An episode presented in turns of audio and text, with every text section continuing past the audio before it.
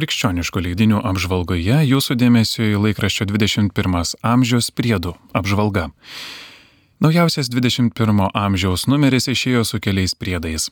Laikraščio priedė 21 amžiaus horizontai. Mindaugas Buika rašo, kad popiežius Pranciškus, nors ir kilęs iš tolimos Latino Amerikos šalies Argentinos, tačiau turėdamas gilės europietiškas šaknis, nes užaugo italų migrantų šeimoje, per savo pontifikatą nuolat rodo susidomėjimą Europos problemomis, pabrėždamas mūsų žemynų tautų bendrystės ir taikaus sambuvio svarbą. Apie tai jis kalbėjo audiencijoje Vatikane, priėmęs ES šalių viskupų konferencijų komisijos plenarinės asamblėjos dalyvius, pasveikindamas ką tik išrinktą šios institucijos vadovybę. Romoje vykusiame susitikime būsimai 2023-2028 metų kadencijai komece pirmininku išrinktas Latinos Italijoje vyskupas Marijanas Kročiata. Iki šiol buvęs pirmuoju vicepirmininku išrinkti keturi nauji vicepirmininkai, o tarp jų Vilkaviškio vyskupas Rimantas Norvila.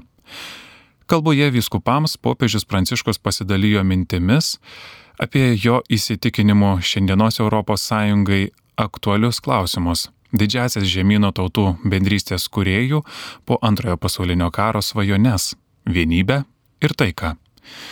Pirmųjų pokarinės Europos bendrystės kuriejų darbai ir siekiai skatina daryti išvadą, jog mūsų žemynų socialinė gerovė negali būti atskirta nuo gynybinio pajėgumo. Kaip tuomet stengtasi vieningai atsiliepti į komunistinę Sovietų sąjungos militarizmą, taip dabar reikia būti pasirengus kartu stabdyti imperialistinius Rusijos slaptųjų tarnybų kieslus. Tam reikalingas žemynų tautų atnaujintos vienybės siekis. Popiežius Pranciškus perspėjo, jog toje konfliktų sekoje galima kalbėti apie dalimis vykstantį trečiąjį pasaulinį karą, kuris kiekvienu momentu gali įtraukti ir Europą.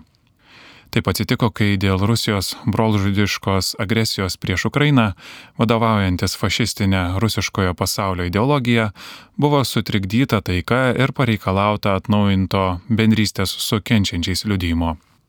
ES turi dėti visas pastangas ne ginklams tiekti, bet kovoms nutraukti teisingomis sąlygomis, nes karinės smurtas visada yra politikos nesėkmė.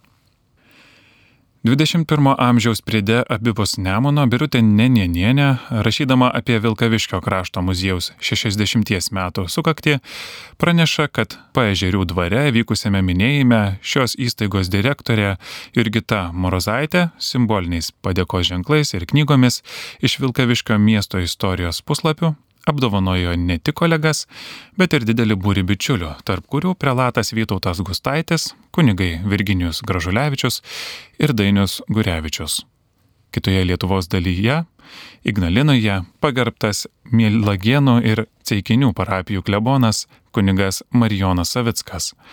Už sakralinio paveldo puoselėjimą išskirtinę socialinę ir kultūrinę veiklą, sudegusios Ceikinių bažnyčios atstatymo organizavimą, aktyvų dalyvavimą bendruomenių veikloje, dėmesį menui, kultūrai, rūpinimasi seneliais, sunkiai gyvenančiais žmonėmis, be šeimininkų likusiais gyvūnėliais, taip pat Mėlagenų ir Ceikinių bažnyčių ir miestelių aplinkos tvarkymo ir gražinimo darbus įteikta Miko ir Kipro Petrauskų premija. Beje, 2005 metais kunigui Marijonui Savickui suteiktas Ignalinos rajono garbės piliečio vardas. Gauti keli respublikiniai apdovanojimai. O 2018 metais Gargždų miesto garbės piliečio vardas suteiktas rašytojui kunigui Mykolui Vaitkui. Šiemet minimos jo 140-osios gimimo ir 50-osios mirties metinės. Todėl Gargždai pasiruošę tinkamai paminėti šiuos metus, suplanuota daugybė įvairių priemonių. Viena iš jų knygos apie kunigą Mykolą Vaitkų leidybą. Garždų krašto muziejus kilnojamoje parodoje bus pristatomas šios visam Klaipėdos rajonui svarbios asmenybės gyvenimas. Gargždų kultūros centras pagamino penkis stendus su kraštiečio citatomis ir tekstais, kuriuos šiemet bus galima pamatyti įvairiose gargždų erdvėse ar įstaigose. Rudenį vyks konferencija apie kunigą Mykolą Vaitkų. Be to planuojama pastatyti skulptūrą šiam kunigui. Skulptūrinės kompozicijos idėjos autorius, skulptorius Lukas Šiupšinskas, jau pristatė savo sumanimą. Ta skulptūra žvelgs į vaizdingą minijos slėnį. Kitame laikraščio priede jaunimui žvilgsniai sesuo Ramūnė Budvitytė dalyjasi žinia apie tai, kaip Kauno Kristaus prisikėlimo parapijos jaunos šeimos su vaikučiais ėjo kryžiaus kelią aplink mažąją prisikėlimo bažnyčią. Kitame priedo abipus Nemono tekste rašoma, kaip tvarkomi Telšių Bernardino vienuolyno ir kunigų seminarijos statinių komplekso Švento Antano paduviečio katedros Šventosios šeimos bei Šventosios Barboros altoriai ir sakykla. Pirmasis altorius atidengtas prieš šventasias Velikas.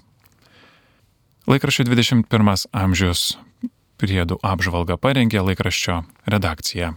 Perskaitė Matas Kaunietis.